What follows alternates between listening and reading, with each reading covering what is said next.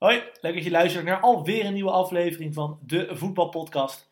Mijn naam is Erik Elias en ik zit hier natuurlijk weer met Jimmy Driessen Hey, hallo. en natuurlijk met Sam Planting. Hoi Erik, hoi Jimmy. Ja, en we zitten in de woonkamer bij Sam. Eh, België, Japan is net 5, 6, 7 minuten afgelopen, jongens. Zeg het maar, wat hebben we gezien?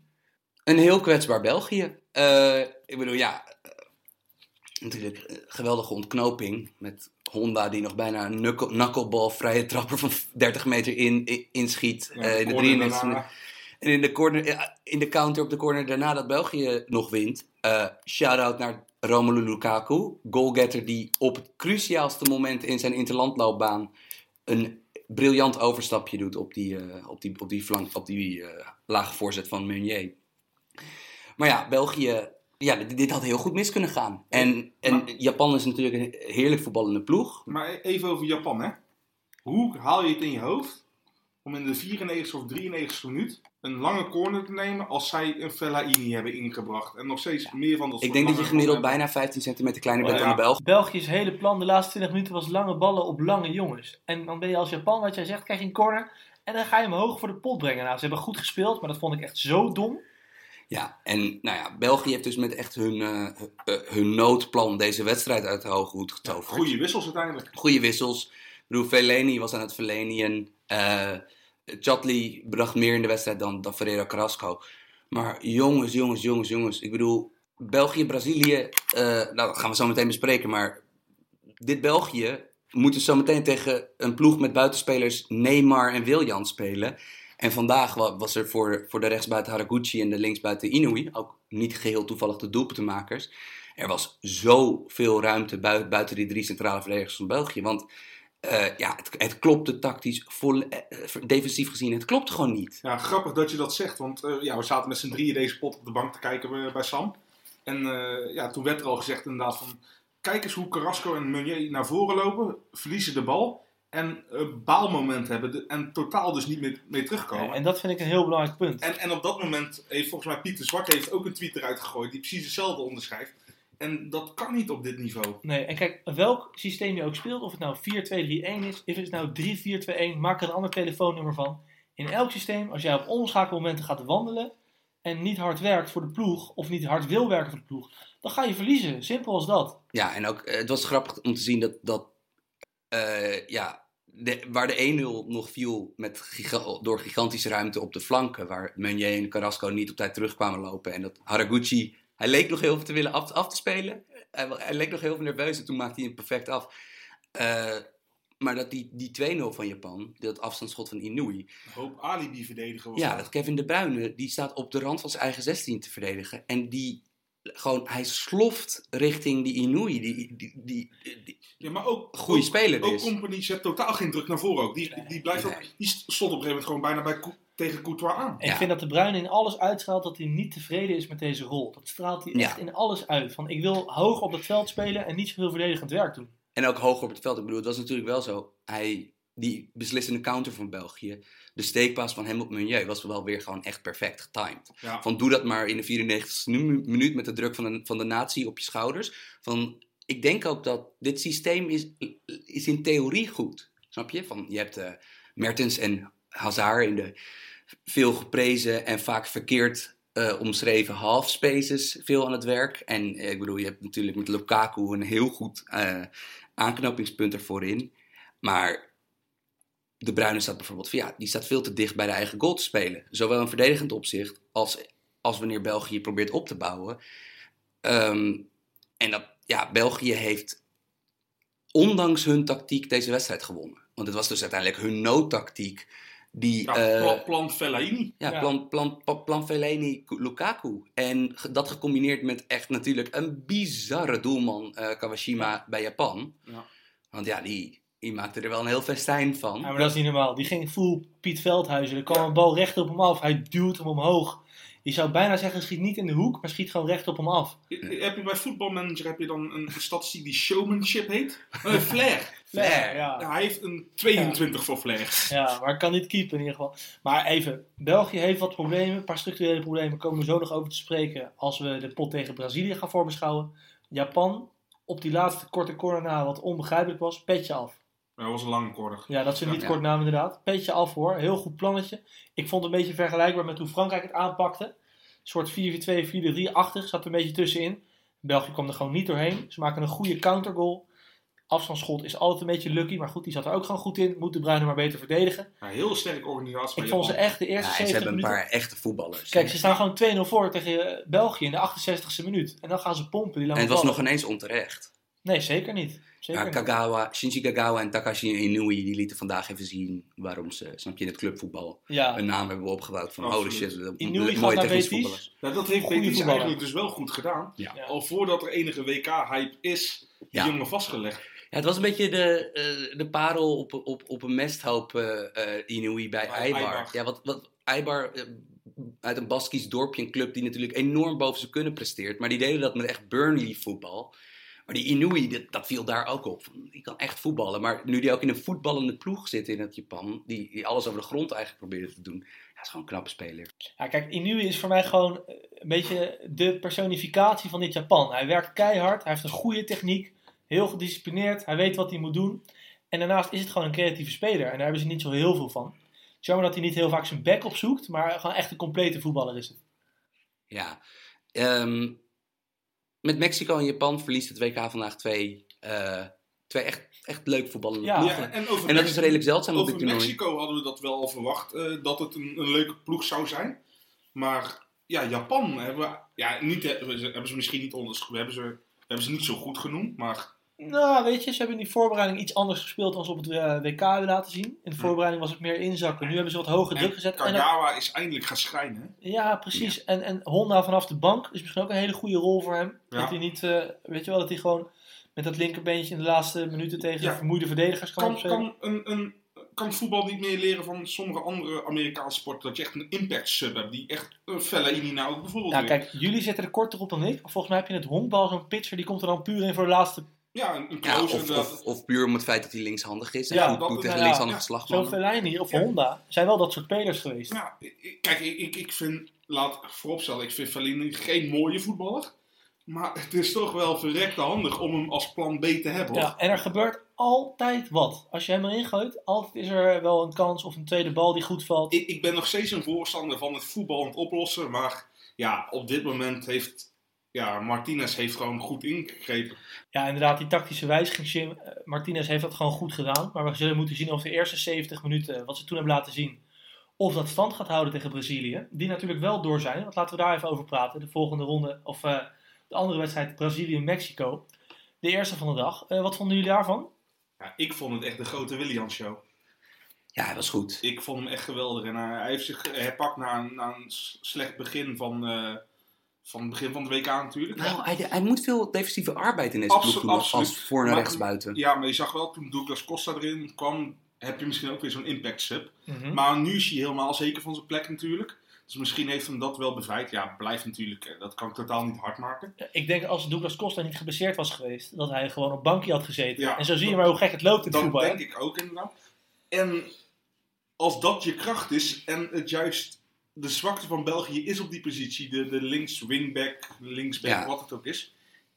Ik ben heel erg benieuwd. En ik ben benieuwd of eh, als Marcelo weer terugkomt, of dan Brazilië nog steeds heel erg links georiënteerd is, of toch verder gaat ook op het rechtse, wat Ja. tegen Mexico goed... eh, Het liep beter Ja. inderdaad.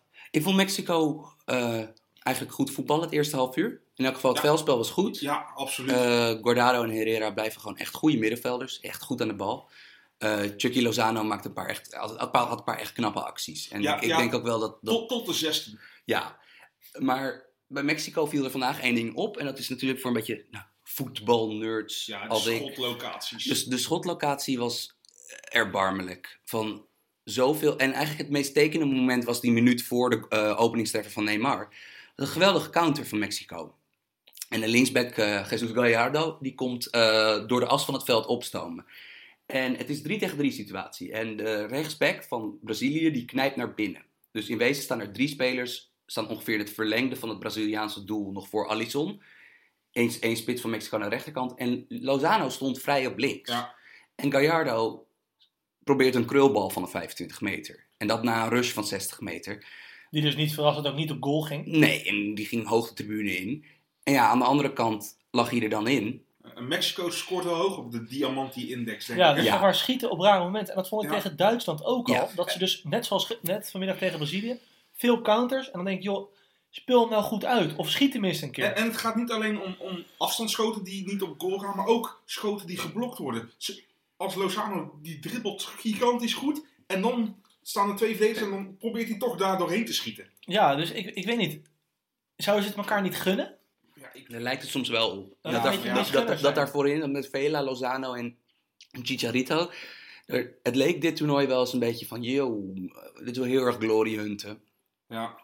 Want het was voor de rest een heel leuke ploeg. Want het is zo'n ploeg die dynamisch op de counter kan spelen. Als een beetje dat, dat voetbal wat we hier in Nederland willen zien. Snap je dat? Het is heel flexibel allemaal. Ja. En het grappige is, van, ze spelen dus hè, een, een, een, een opstelling vaak waar niet echt een, een cijfertje op te plakken is. Bijvoorbeeld Lajoen, die noemen we dan rechtsbuiten in 4-2-3-1.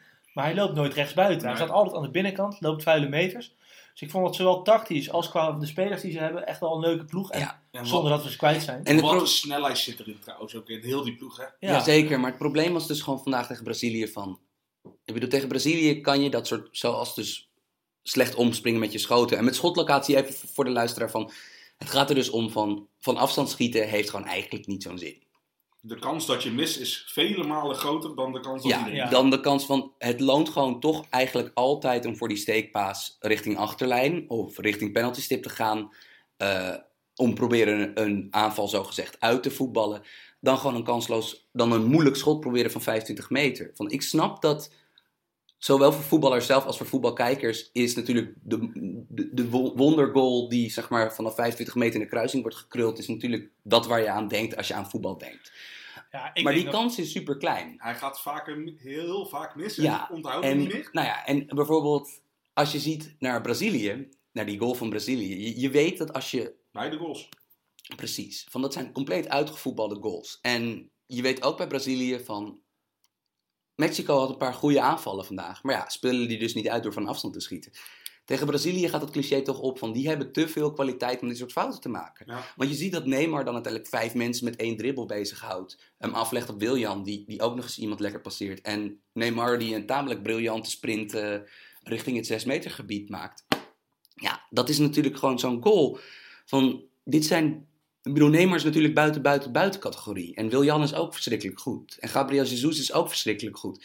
En je hebt nog Bobby Firmino die even van de bank af Precies. komen. En, en je hebt Coutinho die natuurlijk geweldig eh, op het middenveld speelt. En eh, dat is dus een beetje het probleem. Dat Brazilië is toch een beetje de klassieke topploeg op een landentoernooi van. Het is niet heel spectaculair, ja. totdat het wel een keer Maar spectaculair kijk, wij gaan ook is. automatisch gaan we ook niet over Brazilië praten nu. Omdat ja, het plan is daar, is, staat gewoon vast. Je ziet daar geen gekke dingen. Ze doen elke keer hetzelfde. En het werkt gewoon. En kijk, tegen een goed spelend Mexico, ja, wat zei ik tegen jou op de bank, Sam, na een half uurtje? Ja, van dit gaat Brazilië gewoon uiteindelijk met een kleine score heel Ik makkelijk zei 1-0, winnen. het werd eh, 2-0. Maar wat, wat ik wel... We moeten niet voorbij gaan aan het feit dat Casimiro geschorst is natuurlijk. Ja, dat is Ja, maar je hebt met. Fernandinho natuurlijk een geweldige vervanger. Nou, Jim, hartstikke mooi bruggetje. Brazilië-België. Brazilië hebben we besproken, België hebben we besproken. Casemiro geschorst is belangrijk. Ja, toch wel de twee ploegen samen met Frankrijk en Engeland. De grootste ploegen die er nog in zitten. België-Brazilië, wat voor wedstrijd wordt dat? Nou, ik denk dat vooral echt België veel behoudender moet gaan spelen, toch? Ja, want je, je kan niet... Want, want, want de backs komen tegenover twee aanvallers te staan aan de, aan de rechterkant van België natuurlijk, als Marcelo weer fit is. Gaan we misschien eh, vier achterin zien bij België? Met Vertongen, linksback? Of is dit het systeem? Mm, ik, Kijk, denk, ik, ik denk eerlijk gezegd dat, dat Kijk, inderdaad... het is kiezen Zou, tussen, zou wel op basis zijn. van vandaag het denk is ik kiezen dat, tussen eh, twee kwalen. Vertongen is geen linksback. Zeker niet tegen Willian. Aan de andere kant, Nee, maar Carrasco Ferreira is al helemaal geen linksback. Maar ja, heb je in ieder geval nog een blok van drie erachter. Ja. Ja, ik denk, ik denk zelf eerlijk gezegd dat we een variatie gaan zien met vier verdedigers. En ook met Fellaini erbij. Ja, Fellaini of misschien Dembele. Ehm, het zou kunnen inderdaad. Maar ik denk dus dat, dat Martinez van systeem gaat wisselen. Want wat Erik ook zei is... Ik, ik, zag gewoon vandaag in De Bruyne een ontevreden voetballer. Ja. Terwijl De Bruyne is normaal gesproken niet het, het Neymar-type... die zijn ongenoegen meteen heel dramatisch laat blijken. Eigenlijk moet je achterin nou echt een sterk blok zetten helemaal. Ja. En dan voorin eh, die vier jongens gewoon hun werk laten doen en dan zien we wel waar ze Ja. op staan. Stukje bij beetje verandert iedereen een beetje Bert van Marwijk op zo'n toernooi. Die, die staat daarom bekend, toch? Ja, Van maar- eh, goede organisatie en bla bla bla. Maar het is denk ik maar kijk, wel wat de ik- kortste weg naar Ja, succes. wat ik nog wilde zeggen, van, wij onderschatten nu misschien een beetje hoe koppig Martinez is. Hè? Die heeft met Wigan, terwijl ze degradeerden, bleef hij met drie achterin voetballen. Ja, En, en bij Everton heeft hij echt, stond hij elfde of tiende en bleef hij nog steeds met Ross Barkley als zes voetballen. ja, maar Dat is echt een koppige vent. maar dit is wel een kans van zijn leven natuurlijk. Want als, ja, Ja, ze zitten natuurlijk wel aan de verkeerde kant van het schema. Ik bedoel, eh, ze hebben en Brazilië en Frankrijk en misschien Uruguay nog als eh, eventueel tegenstanders. Maar Brazilië geeft echt helemaal niks weg tot nu toe. nee, in heel dit toernooi, weinig. hè? Nee, klopt. Ja, en dat komt gewoon. een, Ja. een, een kopdoelpunt wat eigenlijk Ja, uit een afgekeurd corner. eh, moest worden. Ja, uit een corner. Ja, met Is dat hun eh, enige goal tegen? Ja. Ja. En ook eigenlijk de enige grote kans tegen. Ja, ja, het staat daar gewoon echt. plus het feit dat ze ook gewoon nog een betrouwbare keeper hebben. Ze hebben een goede keeper. Ja, Dat is geen duo. nee. Ehm, ik denk dat Brazilië, eh, ondanks de, de, de offensieve explosie van Frankrijk, waar we het later over gaan hebben in, in de podcast, Brazilië is nu wel heel ruim topfavoriet. Het enige wat een Achilleshiel zou kunnen zijn, is, is eh, de rechtsback. Als Hazard er eh, echt goed op komt te spelen. Ja, en Erik zat ook vandaag tegen mij te zeggen dat hij het nog steeds het vermoeden heeft dat er iets raars is met Neymar. Dat, hij, dat, dat Ja. hij nog vaker op de grond ligt dan Kijk, normaal. Ik heb het idee, Neymar is een aansteller. Die, Weten we allemaal. die zwijgt onder de druk, lijkt het wel. Nee, maar- dat, dat bedoel ik niet eens. Maar kijk, hij is een aansteller. Dat weten we allemaal. Hij maakt vaak zwalbes en dergelijke. Maar vandaag, en ook in de wedstrijd tegen Zwitserland... elke keer als er een tikje op die rechtervoet komt... die rechtervoet waar hij geblesseerd aan was... heeft hij echt pijn. Dat zie je op zijn gezicht. Dus, dus eh, mag ik hypothetisch zijn? Dus Ja. jij vond dat hij zich dat, dat, dat dat kwam door een blessure, dat hij zich zo Nou, aanstelde? kijk, daar aan de toen- zijlijn, ja. dat weet ik niet. Maar ik heb wel gezien, hij ligt heel vaak heel lang op de grond. Echt met een van pijn vertrokken gezicht. En dat was tegen Zwitserland ook al. En hij is natuurlijk het hele seizoen geblesseerd geweest. En een week Oh, voor het. WK is hij opeens fit. Ik weet niet, ik denk dat hij echt... Dit is puur speculeren, maar ik denk dat hij met, met pijnstillers en allemaal zo speelt dat hij moet spelen. Want ja, WK, eens in de vier jaar. Vorige keer heeft hij ook al wat blessures gemist. Ik heb het idee dat die jongen helemaal niet fit is. En dat is het een clubseizoen was, als we in maart of in april waren, dat hij helemaal niet zou voetballen. Maar toch beslist hij deze wedstrijd dan wel weer met Ja, maar hij kan fantastisch voetballen. Ja. Ja. Ja, en, Maar goed, dit is even een... eh, en hij heeft ook wel gewoon ja, leuke ploegmaatjes waarmee hij het kan doen. Het is geen eh, derde garnituur Ja. wat bij Brazilië staat. Nee, maar ik ben, echt, ik ben vooral, het is, het is eigenlijk heel simpel wat Erik er net zegt. Van Brazilië weet je ondertussen wat je te verwachten staat. Ja. Zelfs nu met Fernandinho iets meer een voetballend dat, type. dat, dat, dat- die blauwdruk staat wel helemaal vast. Die blauwdruk staat vast. En terwijl ik denk dus dat als België... Kijk, België kan, als zij die wedstrijd met Brazilië ingaan... zoals vandaag tegen Japan verliest met 5-0. Van dat, dit, dit, dat, ik bedoel, er moet het een en ander veranderen qua afspraken. Ja. Vooral op die flanken. Want, want tegen, tegen Marcello, Neymar en Coutinho op links... en ja, de Willian op rechts... dat Marcelo fit is natuurlijk. Ja, maar, maar ik bedoel, dat, dat gaat natuurlijk, dan word je echt verwoest. Ja. Dus eh, ik ben benieuwd. En, en bijvoorbeeld, wat ook heel interessant is, is dat de Bruine staat dus links half in die double pivot op het centrale middenveld bij eh, België. De rechtshalf van Brazilië is Paulinho. Paulinho, ja. En die, Lopende ja, speler. die loopt zo'n 15 tot 20 keer per wedstrijd de 16 meter van de, van de, van de tegenstander in. Nou, ik heb de Bruine vandaag heb ik geen enkele run zien tracken. Dat hij zeg maar een rennende speler achter, achtervolgde richting de 16. En, en, en ik ben ook benieuwd naar wat Tietje gaat doen. Ik bedoel, Gabriel Jesus ben ik fan van.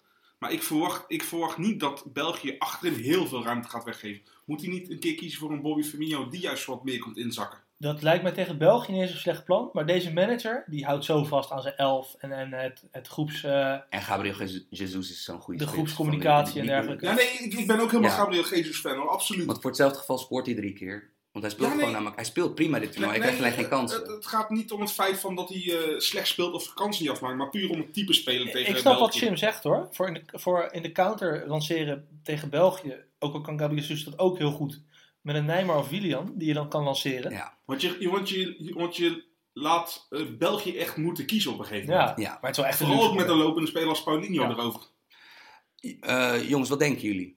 Brazilië, België. Ik denk dat Brazilië wint. Ik, eh, denk, ik denk ook Brazilië. Dan zijn we unaniem. Ja, dan denken we allemaal Brazilië inderdaad. Want die hebben gewoon heel solide voetbal gespeeld. En dan gaan we nu naar eh, het stuk wat eh, vanmiddag is opgenomen.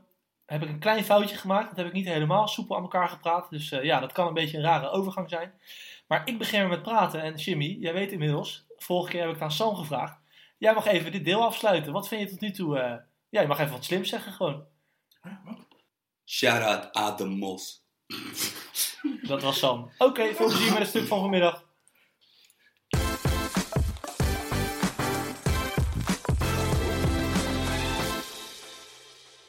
Ja, we zitten natuurlijk helemaal nog lekker in de WK-modus. Eh, kijken jullie veel, jongens? Zitten jullie bijna alles te kijken? Ja, ik eh, probeer wel zoveel mogelijk mee te pakken natuurlijk nog. Hoeveel eh, potten heb je gemist, Jimmy? Eh, moet ik even nadenken. Ik denk een pot of drie tot nu toe. Oh, dat valt wel mee eigenlijk. Ja. En jij, Sam? Twee. Ik heb er twee gemist. Ik heb Argentinië, IJsland in de groepsfase niet gezien. En ik heb gisteren Kroatië, Denemarken niet gezien. Maar ik heb Oh, wel dat de... is wel een verlies dan. Nou ja, dan had je na vijf minuten had je hem al kunnen uitzetten. Ja, maar ik had Ja. wel voor mijn grote vriend Pieter heb ik wel de voor, tussen en nabeschouwing even helemaal teruggekeken. Wie is dat? eh, eh, Pieter Zwart. Oh, Pieter Zwart. Die is ook wel eens te gast geweest, toch? Ja, Nou, nooit, nooit zelf gevoetbald, dus dat is problematisch. Leuk ventje. Ja, zullen we maar gewoon lekker gaan beginnen met eh, ja, de, de potten van gisteren inderdaad. Eh, Kroatië, Denemarken. En eh, natuurlijk Spanje tegen het gastland Rusland. Laten we even met Spanje beginnen. Ja, dan zit je naar die opstellingen te kijken. En dan denk je, hè, wat gebeurt hier? Rusland speelt een andere formatie. Spanje pakt het iets anders aan. Iniesta speelt niet. Was redelijk verrassend, denk ik, jongens. Ja, wat, wat was daar de reden achter? Ja. Gewoon rust. Denken ze dan van, ja, Rusland winnen we sowieso wel, dus we geven Iniesta rust. Nee, volgens mij was het puur tactisch. Ik heb iets gezien van de, van de assistenttrainer in Marca, die Spaanse krant. Daar werd gezegd, de reden dat Iniesta niet speelde was voetbaltechnisch. En we hebben het uitgelegd. En dat eh, begreep je ook. Dus dat was allemaal goed. Wat ze gewoon wilden, was wat meer zekerheid. Want kijk, Ik denk, ik denk zelf dat, dat toch, ik bedoel, ze waren, kwets, ze waren kwetsbaar op de counter. Tegen Ja. Portugal, Iran en Marokko. Ik vond eigenlijk tegen Iran het, eh, het opvallendste. Dat er echt, echt, echt ruimte lag eh, na langdurig balbezit. En ja, Hierro, waar ze normaal eigenlijk altijd, in, bij Spanje eigenlijk altijd met vier, snap je, vier verdedigers, met backs die heel hoog staan, Busquets ervoor. En dan vier spelmakers rondom één spits spelen. Hadden ze, tu- had Hierro nu wel echt koken naast Busquets eh, gezet. ja. Maar eh, je weet toch al dat Iniesta gewoon niet speelde vanwege een tactische reden omdat Koken speelt. Kijk, stel Iniesta speelt niet, maar je wil wel hetzelfde bij het voetballen. Dan stel je toch Thiago, Thiago op. ja. Of dan zit je Silva op het middenveld. Maar nu werd er echt anders gevoetbald. Met een hele andere speler. Sowieso, wat, ja, natuurlijk hadden ze nog steeds dat, de passing game natuurlijk, maar wel wat behoudender inderdaad. En dat zag je ook al doordat, doordat Nacho aan de begin opstelling eh, werd opgesteld. Ja, dat vond ik ook verrassend. Waarom speelde Carvajal niet gewoon? Het was een rare opstelling. Ja, maar het is sowieso, het was voor, het is voor, eh Hierro speelde, eh Hierro is denk ik toch een beetje eh, voorzichtig. Dat, dat, en ik bedoel, Rusland in een echte 5-4-1, want meestal heb je bij, bij dat soort formaties dat het dan nog in aanvallen ba balbezit, snap je dat het een beetje, eh, dat, dat backs super aanvallend gaan spelen, of dat je in wezen met twee schaduwspitsen hebt. Maar dat was hier gewoon echt niet. Dit was gewoon een linie van 5 op de eigen 16. R- Rusland had maar één plan. Ja, lang naar Zuba. Ja, Lang en, naar en, Zuba. die, en hopen niet achter te komen en na de gelijkmaker gewoon op, op het gelijkspel spelen. Ja, Ja, dat is gelukt. Ja, het was, eh, het was eh, eh, Rusland kan, kan ook niet beter. Want Nee. Is natuurlijk een heel beperkte ploeg. Ze hebben, ze hebben één aardig, ze hebben één technische voetballer in Golovin. Ja, en Zagoyev natuurlijk wel. Maar goed, die, eh, of die nog terugkomt. eh, Ja, nee, Rusland heel knap inderdaad. Maar ik wil toch nog even doorpraten over wat, wat de trainer van Spanje dan doet. Want hij maakt het echt een stuk behoudender. En kijk, Asensio komt in het veld. Dat is ook niet de speler met diepgang die heel snel... Die is ook niet heel snel bijvoorbeeld. Had hij niet echt meer een aanvaller moeten opstellen aan die rechterkant? toch eh Vasquez weer. Ja, een Vasquez Ja, of Rodrigo. Rodrigo. Ja. Ik denk, ik, ik, ik, eh, eh, ik denk dat er een paar andere... Kijk, ik bedoel, is nu heel makkelijk praten nadat ze... Kijk, Spanje heeft natuurlijk wel gewoon veel meer gecreëerd in deze wedstrijd dan Rusland. Ja, volgens mij hadden ze iets. Volgens mij had Rusland maar 7 schoten op doel. En Spanje tegen de 30. En ja, Spanje 23 inderdaad. Ja, en ook de, de expected goals waren ook ruim, ruim in het voordeel van, eh, van Spanje. Maar eh, ja, het, het viel niet echt op. En het viel mij trouwens ook wel op dat gisteren Jan Roels eh, als commentator ook wel echt een negatieve deken over de wedstrijd heen legde. Ik dacht van ja, je kan wel blijven, gaan, je kan wel blijven zeuren dat het baltempo zo laag ligt. Maar A, dit is hoe Spanje al, al sinds jaar en dag speelt. Ja. En ze hebben hier twee EK's en een WK mee gewonnen. Absoluut. En B, daardoor werd er toch een beetje heen gekeken over het feit dat eigenlijk vanaf minuut 70 of minuut 80 in reguliere speeltijd en in die verlenging, dat Spanje nog een enorme sloot aan kansen kreeg. Ja, en vanaf de verlenging begon het echt te komen. hè. Ik heb Ja. wel één tip voor jou, Sam. Zet het geluid uit, zet het muziek aan. Ik weet niet, je houdt van muziek toch? Jazeker. Nou, gooi lekker muziekje aan. Kijk je lekker die pot, luister die muziekje. Iedereen blij. Ja. En, en weet je wat ook is? De, de wedstrijd ging precies zoals verwacht qua Ja. spelbeeld. Ja, alleen de uitslag was een verrassing. Ja, Ja, dat, dat kan gebeuren. En het is toch wel een beetje de vraag of. eh, want ik weet dus niet of, Inje- of Iniesta's aanwezigheid op het veld er iets anders van had gemaakt. ja, ik denk wel dat de aanwezigheid van Iniesta echt een verschil had gemaakt. Sowieso in het aanvallen, maar ook in het verdedigen. Kijk, wij als eh, neutrale toeschouwers willen toch ook een leuke wedstrijd zien. En als je Iniesta neerzet, weet je, er wordt meer aangevallen. Maar in de omschakeling kan Rusland ook wat meer. En de aanwezigheid van Koken zorgt eigenlijk aan allebei de kanten voor een veel vlakkere wedstrijd. Ja, maar in balbezit is Iniesta toch zo goed dat het eigenlijk ook Tuurlijk. gewoon verdedigend is. Want als hij de bal heeft, heeft de tegenstander de bal niet. Nee, maar mijn punt is meer van als Hierro per se met twee controleurs wilde spelen in plaats van met de traditionele één, Dan... Thiago, eh, Nee, maar ik bedoel, van, ga je David Silva of Isco eruit halen voor Iniesta? Terwijl nee, Isco zeker niet. Eh, nee, en, en, en dat is dus een beetje het probleem, is dat eh, eh, Spanje lijkt toch een beetje de, de, de stijlbrekende spelers te missen. Dus spelers die echt iets anders brengen dan de rest. En Diego Costa als spits, ik bedoel, hij was tegen Portugal natuurlijk Ja, subliem. Maar Diego Costa is wel een stijlbrekende spits natuurlijk. Ja, maar niet misschien wat ze nodig hebben. Want als je heel eerlijk bent, dit is natuurlijk wel op, zeker wanneer Carvajal niet speelde voor Nacho, dit is echt een compleet snelheidsloos elftal. Ja, je hebt één absoluut. heel snel iemand, eh Jordi Alba. En eh, het was ook wel opvallend, dat het, het ging ook wel heel erg veel via de linkerflank. Via eh, Alba die voor breedte zorgde en Isco ja, maar het is dan toch. Ze hadden met Rodrigo hebben ze één razendsnel iemand in de, eh, in de selectie zitten nog op de bank. Ja, dat was misschien de oplossing geweest. Al weet ik ook niet of Rodrigo in, dat, in die ronde op het middenveld mee kan als je hem rechts buiten zet. Ja, maar En kan Diego Costa in de ronde mee? Nou kijk, dat vind ik dus van Costa. Dat zei ik in een van de eerste afleveringen ook al. Van, die, ging, die gaat zich ook laten inzakken. Ik heb toevallig voor een stukje nog de wedstrijd tegen Portugal teruggekeken. Costa laat zich ook inzakken naar de linkerkant. Gaat dan ook mee combineren. Terwijl ik zou willen zeggen van joh, als er nou één iemand zich niet... Blijf jij nou in de spits en wacht jij op de balletjes. Het is al een grote rondo. Ga jij diepteloopacties maken. Dat, dat is ook wel een coach aan te rekenen. Je hebt een hele goede spits. Als hij dit nog één keer laat inzakken, kom uit je de koud en zegt jij blijft in de spits. Jij gaat niet meedoen. Dan krijg je wel een ander spelletje. Ja, maar als deze wedstrijd honderd keer gespeeld wordt, Ja, hoe vaak tuurlijk. gaat Spanje hem verliezen dan? Kijk, want we hebben het nu heel, over dat soort dingen. Je hebt helemaal gelijk, Jim. Want kijk, ja, na die 1-0, wat een prima goal is van Ramos. ja, ja, Rusland komt op 1-1 door een penalty. Nou ja, ik weet niet. Daar kunnen we over blijven praten. Ik vind dat geen pingel.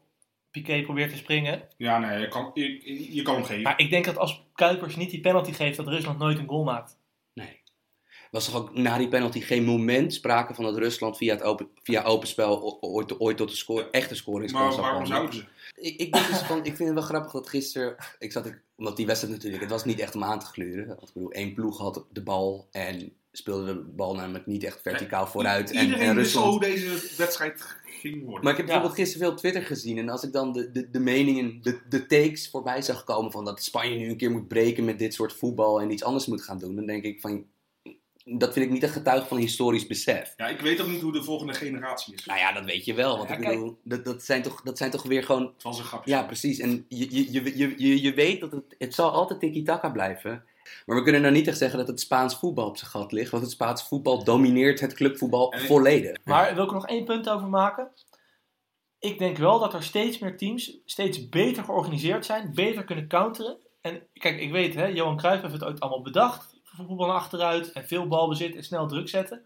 Ik weet niet zeker of als de counters zoveel beter blijven worden, of er dan nog wel ruimte is voor deze speelstijl. Ja, dan zal Spanje zich ook opnieuw moeten uitvinden. Ja, ik denk, ik denk eigenlijk dat deze speelstijl is wel ruimte voor, maar misschien in een iets andere eh, basisformatie. Dus dat misschien de verdeling van de spelers op het veld iets anders wordt. En dat je dan toch weer andere paasdimensies krijgt. Hm. Ik denk bijvoorbeeld dat dat. eh, want ik geloof wel in het feit dat er altijd in de voetbalwereld trainers en eh bepaald soort spelers zullen blijven rondlopen die gewoon ja, die het op techniek zullen doen. Ja. Eigenlijk op non-fysiek voetbal. op die manier willen doen. Voetbal is een denksport natuurlijk ook. Ja, en, en eh, daarnaast is ook, ik vind altijd het een beetje gevaarlijk om tijdens een landentoernooi te zeggen van ja, dit wordt eh, van het countervoetbal neemt het voetbal over. Nee, landenvoetbal, landenteams zijn super kort bij elkaar Ja. en een verdediging is gewoon makkelijker te organiseren dan een, goede, dan een goed Nee, aanvalspel. Ik, ik, ik bedoelde wat ik net zei ook wel echt voor landenteams. Want we zien op, bij clubteams zien we dat de ene na de andere coach juist wel meer op balbezit en hoog druk zetten wil, wil, wil richten. Dus ik bedoelde dat meer gewoon op WK's en EK's eigenlijk. Denk, denken jullie dat de trainerswissel nog enige invloed heeft Ja, gehad? ja, ja. Ik, ik vond Lopen de Gies keuzes eh, in de kwalificatiereeks een stuk gewaagder dan eh Hiero's eh, selectiekeuzes en tactische keuzes Ja, op dit EK. Op, op een moment ook Of sorry, WK. de spits voor spits wisselen ook. Ja, en inderdaad ook koken niet na 60 minuten eraf halen voor een creatieve speler. En want zeggen, je- je- Busquets, je je zat had- niet je had- eentje. Je had niks van Rusland te vrezen. Ook Ja. eens in de Er omschakeling. was heel vaak, waren er drie verdedigers en Busquets en Koken stonden allemaal buiten het blok van Rusland. Ja, daar ga Ja. je de oorlog niet meer Dan winnen. speel je dus 5 tegen 1. Ja. Wie moet nog wat over die penalties zeggen? Was wel leuk. Eerste penaltyreeks, hè? ga je toch weer voor zitten. Was wel ja, leuk. en ja, er is ook wel ironisch dat ze nou door een teentje worden uitgeschakeld. Ja, de teen van Akiveev. Ja. Maar Overigens, Akivev, als je die twee jaar geleden op het EK zag en nu, Ja. heeft ook wel weer een beetje zichzelf... eh, ja, maar dat is ook weer natuurlijk een... eh, Ja. Je baseert het op nou op een paar potten. ik kijk geen Russische competitie. Is bij CSK ook niet altijd heel erg geweldig geweest. Heeft wel natuurlijk echt al een paar eh, heftige Ik denk trouwens wel dat als. eh, dus, die, Vita- dus naast die Golovin, die spelmaker met nummer 17, heeft die, die voorstopper de Vitali Kut, Ku- Kutjepov van, eh, van Spartak. Eh, na, na Egypte voorstopper Ali Gabber, mijn favoriete eh, WK-naam.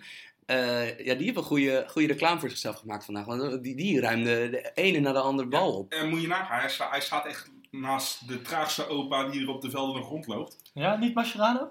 Nee, Ignashevich is nog traag. Die is nog Echt, traag, hè? Ja. Die, die loopt de 100 meter in zes dagen. Oké. Ja, Zo zo. Maar goed, normaal stond Zeka zieke daar. En, maar ja, goed, die heeft zijn, zijn kruisbanden afgescheurd. En dat is wel echt een snelle verdediger, ook voor Ja. Spartak. Ja, maar goed. Dus ze hebben wel wat aanpassingen moeten doen, maar ja.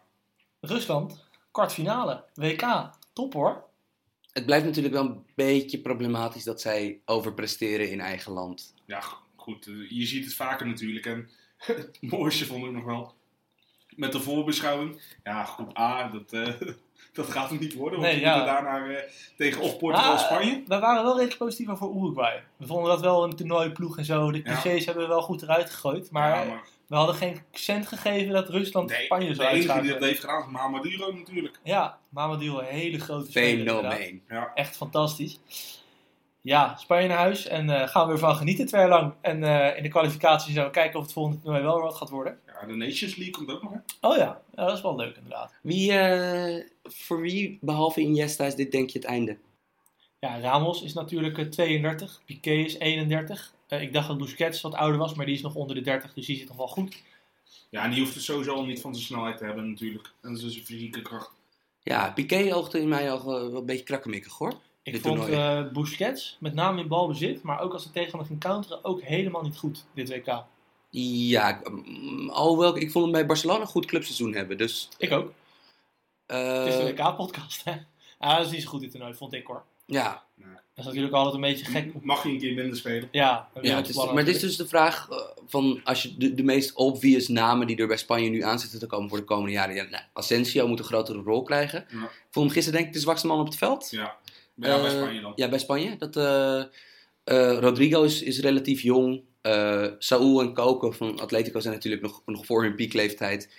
En eh, het zou me ook niks verbazen als Rodri, die eh, deze zomer van Villarreal naar Atletico gaat, als die ook redelijk snel in het Spaanse elftal zich weet te spelen. Dus verdedigende middenvelder. Het blijft gewoon een team waar we rekening mee moeten houden de komende jaren. Alleen ja, nu lukt het even niet.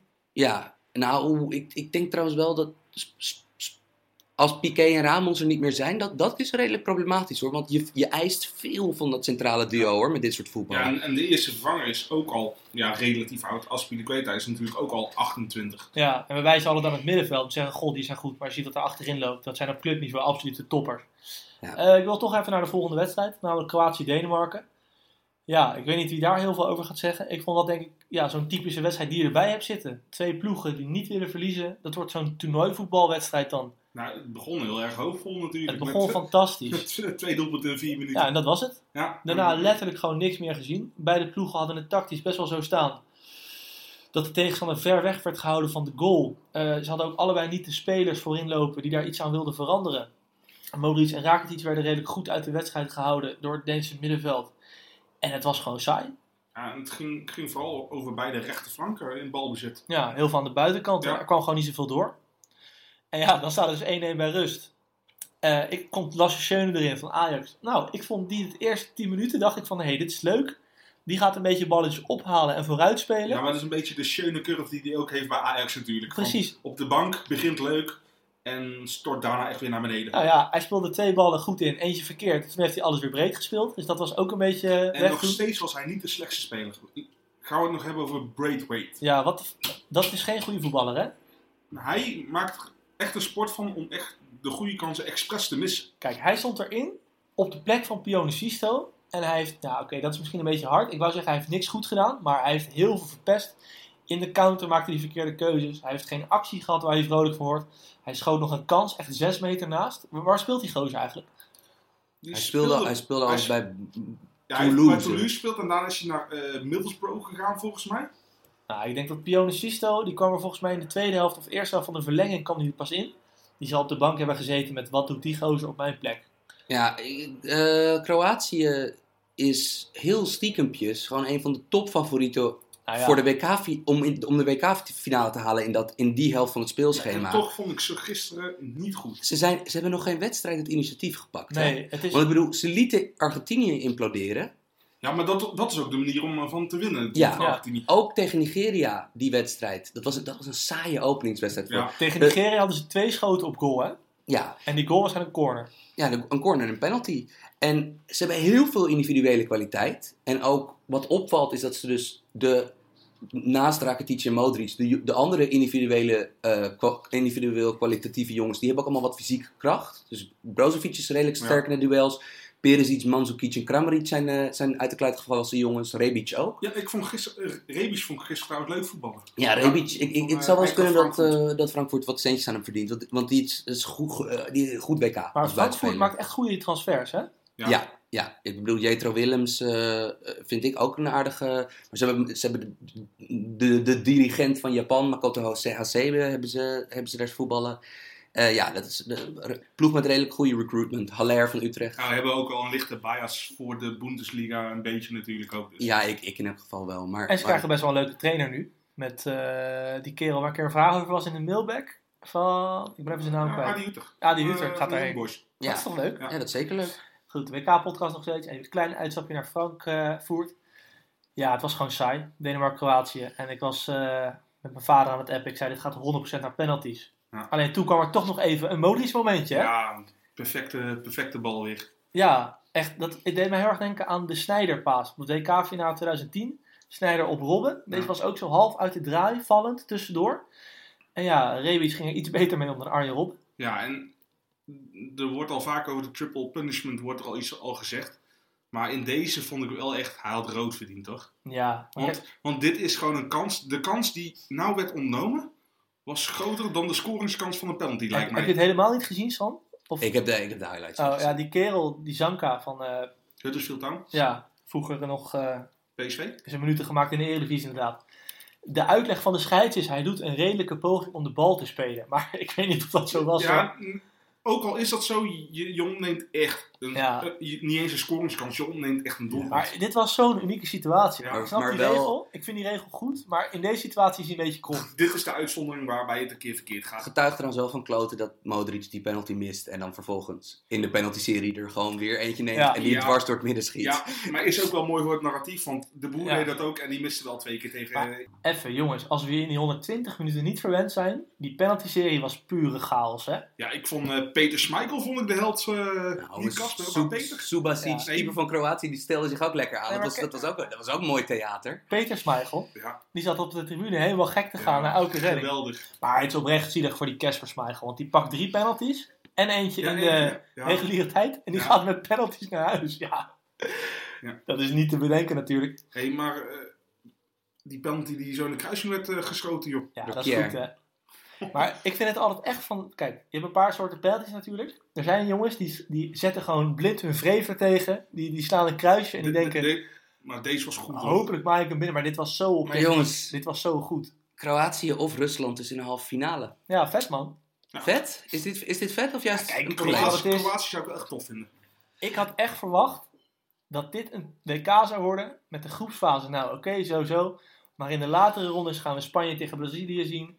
Frankrijk tegen Duitsland. Dat soort gekke dingen. Ja, en dat is het niet. Ja, Dus- maar, maar dat vind ik wel heel dubbel op. Want we zeggen nou, ja, leuk veel verrassingen. Maar dadelijk gaan we ook weer zeuren van, ja, Kroatië tegen Rusland is een hele slechte wedstrijd. Nou, ik niet. Ik ga gewoon zitten en zeggen van, nou ja, Kroatië Nee, Rusland. jij niet, maar ik, ik, ik, Ja, ik vind het redelijk problematisch dat Spanje en Duitsland er niet meer zijn hoor. Ja, voor de kwaliteit van het voetbal. Ja. ja. Nou, we zijn eigenlijk denk ik één of twee ploegjes te veel kwijtgeraakt die goed zijn. Om daar nog heel veel van te verwachten. Het wordt gewoon spannend. En goh, kijk, Rusland kan de halve finale. Goh, kijk, aan de andere kant van het schema. Misschien gaat Japan gek doen. en hoe zal België zich nou voelen? Ja, die voelen zich top.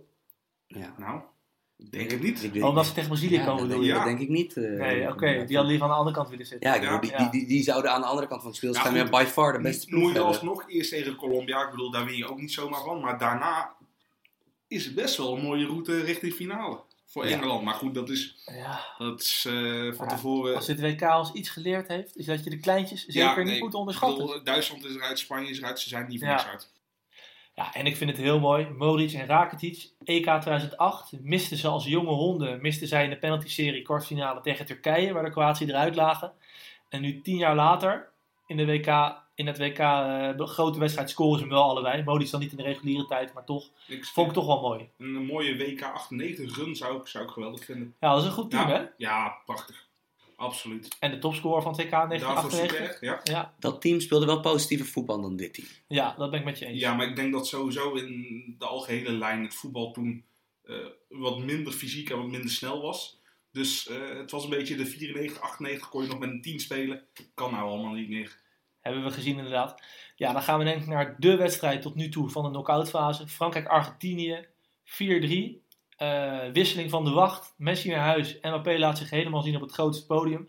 Wat een wedstrijd. Echt van begin tot eind op het punt van mijn stoel gezeten. Ja, nee, dit, dit zijn de affiches die je eigenlijk zelfs nog later in het toernooi zou willen zien. Maar ja, ja, ik denk dat Argentinië een beetje te slecht is om daarvan te verwachten dat ze later in het toernooi zou ja. kunnen komen. Ja, want wij qua zijn hier, naam niet, maar qua team inderdaad Tuurlijk. wij Ja. zijn hier in Nederland U-vorm voetbal gewend. Dus dat eigenlijk de bal, dat je heel veel de bal hebt, behalve op de plek waar je dat wil. Dus in het midden van het veld op de helft van de tegenstander. Argentinië eh toepte over. En ik bedoel, dit was onvoorstelbaar dat ze hadden de bal. En eigenlijk, dus hele zone die Messi bestreek, was de enige, die werd echt zeg maar gemeden alsof, daar, alsof, het, alsof het een radioactief mijnenveld was. Dat was Maar als, onvoorstelbaar. als je een driehoek hebt van Rojo, Otamendi en Mascherano, Ja, die, die het spel Die- moet die- opbouwen. die gezamenlijk een topsnelheid eh, bij elkaar opgeteld hebben van 20 km per uur. Ja, En daarna zelfs nog Fazio erin moet doen, die nog langzamer is. Yo, Ik snapte de hele tactiek van Sampaoli niet. En dat begrijp ik al vanaf het begin niet dat hij is aangesteld. Met deze ploeg van Argentinië, met die slechte, trage verdedigers. En Mascherano die blijkbaar moet spelen. Dat staat ergens in, het, Ja, in, de, in, in de grondwet daar of zo, die moet spelen. Zou ik altijd wat meer naar achter hebben gespeeld. Wat alle ploegen doen. en 4-2, zeker wanneer je zeg maar tegen de snelste aanvaller ter wereld staat Dan in helemaal. Ja, gewoon, wereldrecord gebroken volgens mij toch? gewoon inzakken en in de counter gaan speculeren op Messi, Di Maria en Dybala. Waarvan ook blijkbaar ergens in de grondwet staat dat hij niet mag spelen. Ik, ik had gewoon een bold move gemaakt, Mercado eruit, die Bala daar, die komt Matuidi tegen. Ja, man. Maar Mm. Ja man, Nou, een, links, een linksbenige schaduwspits op rechtsback. Dat is zelfs mij iets te voetbalhipster. Maar goed, vroeger deed Sampaoli wel dat soort gekke dingen. En nu is hij meer een beetje excentriek en gek in de zin van ik laat die bala op de bank en ik zet Meza en Pavon erin. Ik vond Frankrijks wedstrijdplan nog ineens heel erg slim. Want ik vind het uiteindelijk toch een beetje een tactische nederlaag om met geweldige technici als Lamar, Dembélé eh, en Fekir. Op, eh, en zelfs Tovin op de bank. Laat staan dat je, nu Matuidi op linksbuiten. dat je Matuidi op links buiten zet en Ja. mooie Olivier Giroud als, als eh, targetman in de spits. Maar ja, Maar aan de dus andere de kant... Champs heeft wel gelijk, want hij wint. Ja, al, al denk ik dat de snelheid van Griezmann en Mbappé in dit geval, Ik- hoe je de ploeg ook opstelt. Ik ben volledig met James. eh, Eh, ik vond eh, eh, Paul Pogba. Ik vond Pogba na Mbappé en de, en de centrale verdedigers bij Frankrijk, denk ik, de uitblinker. Van, ik vond hem goed spelen. Ja. ik ook. En ehm, ik vind sowieso dat hoe Mbappé en eh, hoe Matuidi, Pogba en Kanté eigenlijk eh, Pogba was ook vrij taakbewust. vond ik. Ja, ik vond dat wat zij verdedigend deden, hoe zij eigenlijk de paaslijner Messi afschermden en hoe zij Messi ook opvingen in, de, in het midden van het veld, vond ik erg sterk. En ik, een paar echt, echte laserpasses van, van Pogba naar Ja. voren die counters inleiden. Nog, Eh, nog steeds vind ik wel dat Pogba te verdedigend wordt gebruikt. Kijk, even voor de mensen die niet gekeken hebben. Frankrijk speelde dus 4-2-3-1. Met Matuidi dus op papier als linksbuiten. Maar wat was er in de praktijk aan de hand? Ze gaven Argentinië de bal. Gingen gewoon lekker op eigen helft staan. Matuidi werd een soort linker centrale middenvelder in de zone van Messi. Mbappé stond op rechts, ging iets hoger staan. Waardoor elke keer liep Argentinië zich vast op die muur van fysiek sterke spelers. Die heel goed taakbewust speelden.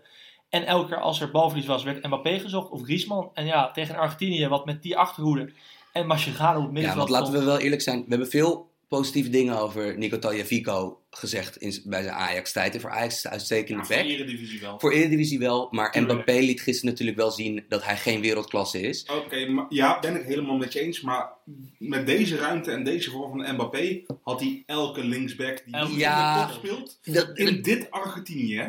Want, ja, maar aan de andere kant, hij maakte wel echt veel dekkingsfouten. ja, absoluut. Eh, eh, hij- dat, maar maar dat, was, dat was ook eh, ja, het debet aan hoe Mbappé toch een stukje af en toe naar binnen kroop. ja, en hoe, en hoe Rocco en Precies, Mascherano er verdedigden. Tagliafico in. Ja, ik vond dit apart wat er voorin gebeurde. Dat, Het- Het zijn twee vleugelspelers met een verkeerde voet, goede been aan de buitenkant staan nou deze keer. En dan zet je Messi in de spits. ja, terwijl je Higuain en Aguero ook Ja, als opties ik- hebt. Dit snapte ik echt niet. Maar goed, ik weet niet wie het bedacht heeft. Of het Sampaoli zelf is, of dat het zoals de rucht- geruchten zijn spelers zijn. Maar dit plan werkte echt voor geen meter. Gewoon echt Ja, voor geen meter. Disclaimer, Sampaoli vind ik geen slechte coach. Ik ook niet. Hij heeft er alleen hier wel een zootje van gemaakt. Nou ja, kijk. Ik, ik vind een paar dingen raar. Ten eerste dus wat ik net ook al aangaf. Dat je zo aanvallend speelt met deze ploeg. Ten tweede, als het waar is. Ik kan niet in het Spaans lip lezen. Maar dat hij aan Messi vraagt van... joh, eh, moet ik Koen erin zetten? Koen Aguero of niet? Dan vind ik dat wel raar. Ik vind dat jij als coach... Natuurlijk, je moet luisteren naar je beste speler. Helemaal tot je dienst. Maar als coach moet je wel de autoriteit houden. En zeggen, joh, ik breng Koen erop. Wat vind je ervan? Zoiets. Ja, en je moet een, gewoon, je hebt een heel kwetsbaar achterste vijf, die vier verdedigers en, en Mascherano. Dan moet je natuurlijk wel daar rekening mee houden met je wedstrijdplan. Ja, maar jongens, is het niet gewoon een fout geweest om Sampaoli voor deze groep te zetten? We weten dat dat voor trainer is. Hoog druk zetten, hoge laatste lijn. Je ziet als bond, hoop ik, dat jouw verdedigers dat niet aankunnen. Is het niet gewoon, dat is toch de grootste fout geweest? Is het misschien niet de fout geweest dat we hem echt puur op alleen dit WK gaan beoordelen? En Dat doen wij toch niet met z'n drieën? Nee, goed, misschien met andere mensen misschien wel. En eh, ja, inderdaad, eh, hij heeft er een zootje van gemaakt, maar ik wil toch nog even op de lange termijn wil ik het even zien. Ja, maar goed, we hebben het al gezien. Ja, hij heeft maar- het bij een paar clubs gewoon echt goed gedaan. En bij Chili. Ja, ja goed, maar eh, ja, goed, eh, je leeft met de waan van de dag. Ik ben benieuwd. eh, kijk, Argentinië legt er een rode loper uit voor Frankrijk. Ik ben benieuwd naar de kwartfinale van Frankrijk-Uruguay. Eh, Uruguay is misschien wel eens, zou wel eens misschien. Ik bedoel, dit WK is raar. Ze komen nou tegen een van de sterkste verdedigingslinies op het toernooi, denk ik wel. Ja man, ik vind, ik vind Uruguay. Uruguay echt sterk. En die hebben ook bijna niks weggegeven aan schoten. Bijna geen schoten voor de goal weggegeven. Bijna geen, eh, heel veel afstandsschoten worden geblokkeerd. Het zit daar echt tip-top in elkaar. Wat we al gezegd hebben met Godin, met Jiménez. En Cavani is hongerig, hoor. En kijk, ik wil niet altijd de vergelijking trekken met een ploeg die verdedigend speelt en goed countert met Atletico Madrid. Maar Nee, maar dit is hem wel. dit is er wel een beetje, zeg maar. Nou ja, als je, als je twee centrale verdedigers al van Atletico Madrid zijn. Nee, en, ook, en als je compactheid als team, dus dat je op een zo'n klein oppervlak met die, met die middenveld en de verdedigingslinie het zo waterdicht houdt, dat is natuurlijk gewoon Simeone-achtig. Ja. Eh, ik denk dat het zou zomaar eens kunnen. Uruguay is natuurlijk, heeft wel een beetje de elementen van zo'n wildcard die een WK kan winnen zelfs. En laten we daar niet op hopen. Aan de andere kant, ik wil Uruguay wel bedanken dat ze Portugal hebben geportugald. Want Ja, Portugal heeft natuurlijk vorig EK. Nou ja, met alle mogelijke fratsen en strapatsen hebben ze, snap je, elke wedstrijd weer eh, eh, eh, een overleving naar de volgende ronde eruit getoverd. Volgens mij één keer gewonnen in 90 minuten tijd, hè, dat ja, hele EK. ja.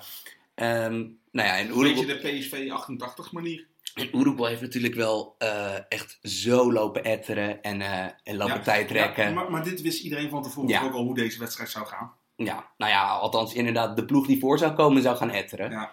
Eh, het is geen slagpartij geworden qua, qua, qua pepper tackles en eh Godin die aan haren trekt of wat dan ook. Ja, kijk. weinig kaart ook, hè? Ik, ik vind Portugal, daar zit zoveel meer in. Die hebben zoveel voetbal op de bank zitten nog. Die laten Ruben Neves van de Wolves uitstekende spel maken voor de verdediging. Laten ze thuis. Kijk, die Santos heeft het EK gewonnen. Ik denk dat hij daarom mag blijven zitten. Maar ze kunnen echt in een andere stijl. Kunnen ze gewoon veel beter voetballen. En ik denk dat daar op een soort vergelijkbaar niveau hetzelfde aan de hand is als bij Real Madrid. Dat Ronaldo gijzelt jouw speelstijl. Het spel moet worden afgestemd op Ronaldo. En ik denk dat zowel bij Real Madrid als bij Portugal, ja maar wacht even. Zowel bij Real Madrid als bij Portugal. Ik denk dat het voetbal beter zou worden en leuker. Maar ik weet niet zeker of ze meer of minder zouden winnen dan. Want Ronaldo is Ronaldo. Ja, en zeker bij in Portugal. Ik bedoel, je hebt inderdaad wel wat andere keuzes, maar ja, je talentpool is, is eindig. En dan moet je toch je alles in het werk stellen om juist je beste speler te laten renderen. Klopt, maar ik vind het echt kutvoetbal, man. Ja, nee, absoluut. Maar eh, zullen we even on point blijven? Van Frankrijk-Uruguay. Nou, wat ook voor Uruguay meehelpt natuurlijk, is dat Caceres niet meer op linksback staat. En dat eh, de, de Jean-Paul van AliExpress, Lassalt, dat die eh, ja, gewoon geweldig speelde. En ik denk dat hij wel even zijn basisplaats heeft gegarandeerd. En ik denk dat je dan toch wat meer voetballend vermogen in de ploeg krijgt die het echt hard nodig heeft. Ja, en je kan ook niet alles van Cavani en Suarez verwachten. Gaan jullie het maar doen qua creëren. Ik bedoel, daar moeten jongens omheen gaan lopen. Maar, maar durft hij dadelijk in de volgende ronde tegen Frankrijk, durft hij Lassalt ten opzichte van Mbappé te zetten? Ja, dat wordt heel goed om te zien. Maar goed, ik denk Laxalt of, of Caceres. Ja, die zijn allebei... Gaan, die hebben allebei toch al poep in de broek voor Mbappé. Iedereen is bang voor Ik, Mbappé. ik denk niet dat Caceres voor iemand bang is. Jawel, voor Mbappé Nee. dan moet hij nog maar eens even naar de beelden kijken. Goed, ja, Ja, goed. hij kan er niet zoveel van, maar bang is hij niet. Nou ja, goed. Portugal, Uruguay hoeven we niet heel veel over te zeggen hè, verder. Ik denk, eh, ik bedoel, laten we hopen dat... Kijk, Uruguay gaat zich ingraven tegen Frankrijk. Dat weten we. Ik bedoel, het is een counterploeg. Eh, laten we alsjeblieft hopen dat Deschamps dan gewoon weer een aanvaller op Matuidi's plek eh, neerzet. Ja, maar wordt Frankrijk Uruguay dan niet een pot waarbij beide ploegen zeggen van hier heb jij de bal, maar nee, jij hebt de bal. Nou, Frankrijk is natuurlijk wel een ploeg die een aantal spelers heeft die natuurlijk wel, dan heb je uiteindelijk de bal wel wil. Ja. Pogba, als je hem de bal geeft, dan, dan, dan, dan, dan, dan gaat hij- Griezmann ook wel. Precies, maar ehm, met hun huidige, kijk, hun huidige elf die Deschamps nu gebruikt, dat is ook een counterploeg geworden. En ehm, dat kan, want je hebt een geweldig centraal verdedigingsduo en je hebt de beste stofzuiger op aarde in N'Golo Kanté daarvoor staan. Dat kan, dat kan je doen. Aan de andere kant, ehm, ja, op, op voetballende kwaliteit zou je natuurlijk eh, zou je dit moeten winnen van Uruguay. Van, eh, ik bedoel, Uruguay heeft nu die Torreira op middenveld erbij Ja. lopen. Dat, dat kleine mannetje, die kan, die kan goed voetballen. Maar dit zou natuurlijk... Dit zouden natuurlijk teams van verschillende niveaus moeten zijn. Maar ik ben toch een beetje bang dat, dat, dat, dat dit... De Shams gaat niks meer omgooien. Ik ben Echt bang niet. dat dit een Denemarken-Kroatië wedstrijd Ja, de, wordt. Shams, de Shams gaat nou echt niks meer omgooien. Nou, Denemarken-Kroatië wedstrijd, ja, ben ik met je eens. Maar wel meer momenten van individuen dat je denkt, hé, hey, dat is knap. Van een Pogba, van een Mbappé. ja, Ja, omdat er nog meer klasse op het veld staat. precies. Maar goed, dat is wel, ja, tegen een Laxalt of zo, die is dat niveau echt niet gewend.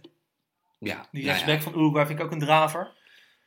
Ja, ik, ik denk. eh, ik ben benieuwd. Ik vond in elk geval Cavani en Suarez allebei echt, echt briljant spelen tegen Portugal. Want als je kijkt hoe, wat zij als spitsen deden en hoe vaak zij uitzakten en ook naar, naar de zijkant. En wat ze deden inderdaad in verdedigend Ja, opzicht. Maar wat en- is het mooi dat die momentenvoetballer van Ajax en Groningen, Luis Suarez, wat heeft die zich ontwikkeld, zeg? Nee, dit vind ik. Dit, dit, is, dit is zo narratief inderdaad. Dat Suarez was helemaal geen momentenvoetballer in Nederland. Hij was verschrikkelijk goed bij Groningen en Ajax. Of hij had gewoon heel veel momenten. Maar eh, dan ook... Ja, inderdaad. Hij had kennelijk Ja. 17 goede momenten per wedstrijd. Maar Sam, ook, eh, ook in het verdedigen en zo, wat hij allemaal doet en wat hij zich laat zakken en Hij dergelijke. werkte, zich de, hij werkte zich de fucking pleuris bij Ajax. Eh, Af en toe zelfs eigenlijk te veel nog. vond ik. Ja, van, hij was, ik bedoel, na een tijdje was hij letterlijk verantwoordelijk voor 60% van de produ- productie van dat Ajax. En hij werkte dan, en wij in het stadion, eh, wanneer we in de arena naar hem keken, wel, ja, ging, hij- ging, hij- ging hij als een razende achter de linksback van NAC aanrennen. Van, het, het, het, het narratief dat Suarez een soort van momentenvoetballer met, fli- met flitsen van, van, van genialiteit was in Nederland is onzin. Ik, ik vind, wat ik wel vind, en daar ben jij het misschien niet mee eens, het is wel de koning van de kluts. Dat wel. Want ik, ik, ik heb hem zo vaak een, een bal tegen iemand aan zien schoppen dat hij hem toch weer meekrijgt. Miss- misschien maak ik het ook groter dan dat is, maar zo is hij altijd wel in mijn gedachten een beetje blijven staan. En dat, dat hoort ook, dat maakt het ook wel mooi, vind ik. Ik vond het trouwens wel grappig. Ik had een polletje op Twitter gedaan van als je er één mocht kiezen, jongens, Cavani of Suarez. En Suarez won deze poll met echt 85%. Ja, Nederlands publiek ook, denk Ja, ik. en, en ik denk dat mensen Cavani niet hebben zien spelen bij Napoli en PSG. Veel minder vaak dan Suarez bij Liverpool en Ja, Barcelona. Want kijk, Premier League, La Liga zijn voor mijn gevoel wel de competities die in Nederland het meest worden bekeken. Ja, Buiten de Eredivisie uiteraard. en, eh, wat ook wel zo is, Cavani mist ook echt ontzettend veel. Maar goed, ik heb liever... Ik, ik, ik, ben, ik ben geen eh, tegenstander van Cavani. Ik ben ook niet zijn grootste fan. Maar ik, ik kan hem wel goed op waarde... Ik vind dat ik hem goed op waarde kan schatten. Hij mist veel kansen. Maar hij, hij strekt en sleurt ook zoveel dat hij ook zoveel zelf ik vind, ik vind het echt een geweldige spits. Ik vind het echt... Ja, en eh, hij is van de twee spitsen die, van Uruguay degene die het meest in de bal speelt. Dus hij heeft best wel wat verantwoordelijkheid daar Ja. nog. ja, Ja, en een uh, briljante 1-2. Maar Uruguay een paar miljoen mensen en, groot Suarez. Ja, fantastisch man. Goede generatie. Zelfde buurt komen ze vandaan. Ja, Nou, wij, wij denken vaak in Nederland dat we met onze 16, 17 miljoen mensen veel voorbrengen. Maar Uruguay en Kroatië, zeker de laatste Ja. eindtoernooien, zijn dat wat dat betreft echt wel beter af. hey, dat was het voor het voetbal. Dan is er nog wel een klein uh, ja, een leuk dingetje. Pieter Zwart, die ook wel eens de gast was hier. En natuurlijk voor VI Pro uh, de boel runt. Die was gisteren in de studio. Hebben jullie het gezien of niet? Ja, ik heb dus de wedstrijd niet gezien, maar ik heb dus speciaal, omdat het gewoon een vriend van me is, heb ik het uh, teruggekeken. Ik was erg trots. Ik vond het wel leuk. Ik, ik vond, uh, ja, Daniel de Ridder, die, die, uh, deed hartstikke leuk met hem. En Kenneth Perez vond ik ook gewoon een leuk gesprek voeren met hem. En het ging echt over voetbal. En dat moeten we natuurlijk allemaal toejuichen. Ik vond het ideaalbeeld voor wat, uh, wat voetbalanalyse op televisie kan zijn, vond ik eigenlijk de nabeschouwing van die wedstrijd Kroatië-Denemarken. Want het, was, het leek wel alsof dus doordat uh, Pieter had volgens mij bij dat videoscherm in de voorbeschouwing had hij uh, twee een beetje tactische analyses over, over de ploegen gedaan. En zowel Kroatië als Denemarken aanpassende ploegen zijn, dat soort dingen. En eigenlijk naar het leek wel dat Daniel de Ridder zich opeens gesterkt voelde om veel specifieker te analyseren. Ja, maar dat, volgens mij, dat, dat lokt elkaar ja, ook gewoon en, ja, maar ik vond het je, heel erg vet. Je versterkt want, elkaar. Ja, ja want, precies. Maar de Ridder en Perez zeiden echt heel verstandige dingen. Kijk, en wij zitten vaak gewoon te zeuren op oud-profvoetballers die analyses doen, hè, zoals Van der Vaart of wat dan ook. Maar je ziet dus, als er dus een jongen zit die een soort voorzet geeft. Ja, ze uitdaagt. En ja, god, die gasten hebben op niveau gevoetbald. Die weten echt wel wat van het spelletje. Ja. En ik ben daardoor krijg ik ook meer het idee dat ze af en toe, als er bijvoorbeeld ze worden ook niet uitgedaagd door een presentator. Nee, vaak wordt ze ook afgeremd van, oké okay, jongens, dat, was het, we gaan naar ja. de reclame. Ja, of dus wanneer, wanneer precies, en wanneer, maar wanneer het voetbal aanhoudelijk wordt, dat bijvoorbeeld, ja, dat, dat, dat, dat er dan door zekere, dat bepaalde presentatoren gewoon afhaken zelf ook. Ja. Dat ze dat, omdat ze waarschijnlijk ook, ja. Maar een presentator moet toch eigenlijk gewoon faciliteren, niet nee. inhoudelijk meedoen. Ja. Proberen we bij Erik ook al, maar dat lukt helaas niet. Ja, nee, dat, kijk, dat is natuurlijk, hij heeft een verdette contract getekend hier. En dat, ja, dat is ja. goed ook. Ja. ja, maar ik, ik weet niet, ik vond het gisteren, ik vond dat hij zich goed staande hield. Ook op, on, op de social media werd, uh, volgens mij was, waren de, het merendeel van de reacties positief. Ja, en degene die wel negatief waren, waren over, over zijn uiterlijk. Dus Ja. dan weet je sowieso dat je goed Ja. bent. Ja. En Memphis wordt ook alleen maar gehaald om zijn hoed. Nou ja, inderdaad, Jim. Sh- Shout-out naar de, naar de droeftoeters die inderdaad dan de behoefte voelen om iemand op zijn uiterlijk proberen te aan te vallen. Maar ik heb wel een beetje daarbij het idee wat ik met Amalia met Koningsdag ook had. Kijk, met Koningsdag, ik weet niet of we dat gevolgd hebben, er waren vijf mensen of zo die hadden op Twitter gezegd: Goh, wat is die Amalia dik? Vijf mensen hadden dat getweet en dat was echt een nationale rel. Ik had het idee gisteren ook. Niet alleen in mijn tijdlijn, maar ook heel veel andere mensen zeiden: Goh, inhoudelijke gozer, weet waar hij het over heeft, dit en dat. En wij gaan ons dan toch een beetje richten op die zure gasten Nou, die zeggen: ja, van joh, hij ziet er niet uit. aan, ja. de andere, aan de andere kant, in, het, in de Telegraaf wordt hij indirect een dweepziek, worden hij en andere jongens die daartoe behoren, worden dweepzieke theoretici genoemd. Ja, dus het valt mij wel op van de, ik vind de vijandigheid van bepaalde langzittende, bekende en heel vaak ook goede Nee, ik voetbaljournalisten. ga vind niet ik meer gewoon over heel, beginnen. Want ja, maar dat is- gewoon, ik vind dat heel kinderachtig. Maar weet Ik heb, zoiets, denk, ik heb zoiets van, wees, wees gewoon niet een misgunner. Van, probeer het dan inhoudelijk te houden in plaats van elke keer dat scoregedrag. Ja. Weet je wat ik denk? Dat ze een beetje bang zijn. Zou wel kunnen. Ik bedoel, ze zijn er wel mee bezig allemaal. Ja? Nee. Maar goed, ze zijn er inderdaad wel mee bezig. Eh, wij gaan nu even bezig met de mailback, want we hadden een vraagje op de DM binnengekregen. Kan je er even bij pakken, Jimmy? Jimmy is toch wel, ja, als je het hebt over social media, dan zeg je Jimmy. Hè? Nou, Stel je Steve Jobs achter ze voor en dan krijg je computer. Stel je ik ben Jimmy achter ze voor en dan krijg je social media. De prins van voetbal Twitter. ja, Wat was te, de vraag? te veel eer allemaal, jongens. Oké, jongens. Hoi, een vraagje voor de volgende podcast. Jimmy gaf aan dat aanvallend en verdedigend voetbal in golfbewegingen komt. In hoeverre denken jullie dat de tactische markt in de huidige regels verzadigd raakt door al die organisatorisch sterke teams? En moeten de regels daarom niet worden aangepast om de sport kijkbaar te houden? Dat was van Wouter Holsappel, een trouwe luisteraar. Ja, zeg het Een maar. heel goede, maar heel vraag. pittige Een hele vraag. complexe vraag die Ja. eigenlijk niet eh, binnen nu en... Nou, kijk, ik heb wel een tijdje het idee dat voetbal leuker zou zijn als het 10 tegen 10 was. Meer ruimte op het veld. Dat je eh, dus ook wat meer ruimte krijgt voor de individuele klasse die je kan etaleren. Ik heb het idee dat dit veld voor 11 tegen 11 gewoon net wat te klein is geworden. Omdat spelers gewoon tactisch veel beter worden. Een andere oplossing die ik zie is, eh, om, dat zei ik vandaag tegen Sam, om het goal 5 centimeter hoger te maken. Ja, dat is Japan helemaal. En, en aan beide kanten ook 5 centimeter breder, zodat er meer goals vallen. En ja, ik weet niet. Ik vind het eerste van de vraag ook wel goed hoor. Over, Z- Zou er een schotklok ingevoerd moeten worden? Ik zat dus vandaag, probeerde ik, Piet, eh, probeerde ik Erik te overtuigen van, eh, van het nut van een shotklok. Ik denk dus dat er een soort van, eh, een klok voor, een limietklok voor hoe lang je de bal op, je, op eigen helft mag houden. Ik denk dat dat wel, eh, je moet dan wel inderdaad even zorgen dat het niet lange balvoetbal, eh snap je, dat het niet Burnley voetbal eh, alleen maar in het voordeel werkt. Maar ik denk wel eens dat bijvoorbeeld, heel vaak is de gemene deler van vervelende wedstrijden, is nutteloos balbezit van een van de twee ploegen of van beide ploegen. En ik denk dat als je daar bijvoorbeeld op de een of andere manier een limietklok voor weet te verzinnen, dus bijvoorbeeld dat je niet langer dan 25 seconden de bal op eigen helft mag hebben. Eh, kijk, ik, ik spitbal hier maar, maar ik heb het idee dat dat helpt. Ook vind ik het een beetje moeilijk om te zeggen van dat we nu in een in defensieve conjunctuur leven met voetbal. Want dat strookt ook niet helemaal met ja, in het clubvoetbal is dat zeker niet Nee, zo. dat Kijk strookt niet, dat nee, dat strookt niet met de, zowel niet met de statistieken, want er wordt, er wordt de laatste jaren meer gescoord dan in de jaren daarvoor. En ook niet helemaal met de oogtest. Want als je naar deze Champions League inderdaad kijkt, er was heel veel spektakel. Maar ja, landenvoetbal, we hebben dat volgens mij eerder in deze podcast gezegd, van een, verde- een, een solide verdediging neerzetten als trainer is iets makkelijker en kost iets minder tijd Ja. dan vloeiend aanvalspel creëren. Zeker als al die spelers van bij andere clubs spelen, niet met elkaar. Nee, maar goed, wel een hele leuke vraag van Wouter. En wij vinden het sowieso leuk om dit soort ja, denkvragen over voetbal te krijgen. Dus heb je die, gooi ze gewoon erin, want we vinden het hartstikke leuk.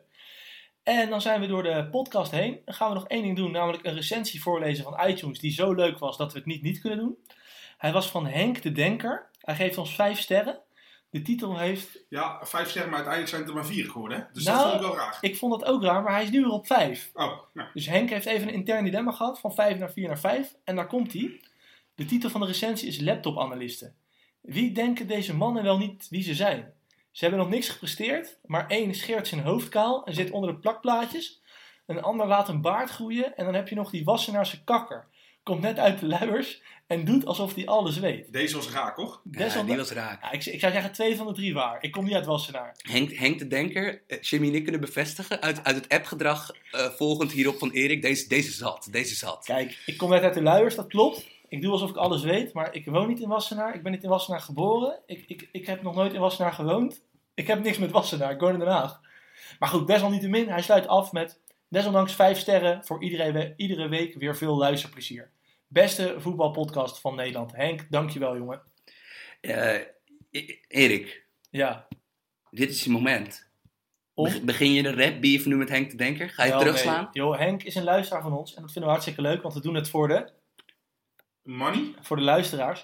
Oh, ik dacht voor geld en roem. Nee, voor de Daarvoor doen luisteraars. eh, Jimmy en ik het hoor. Ik doe het voor mensen zoals Henk, die gewoon moeite nemen om ons vijf sterren te nemen.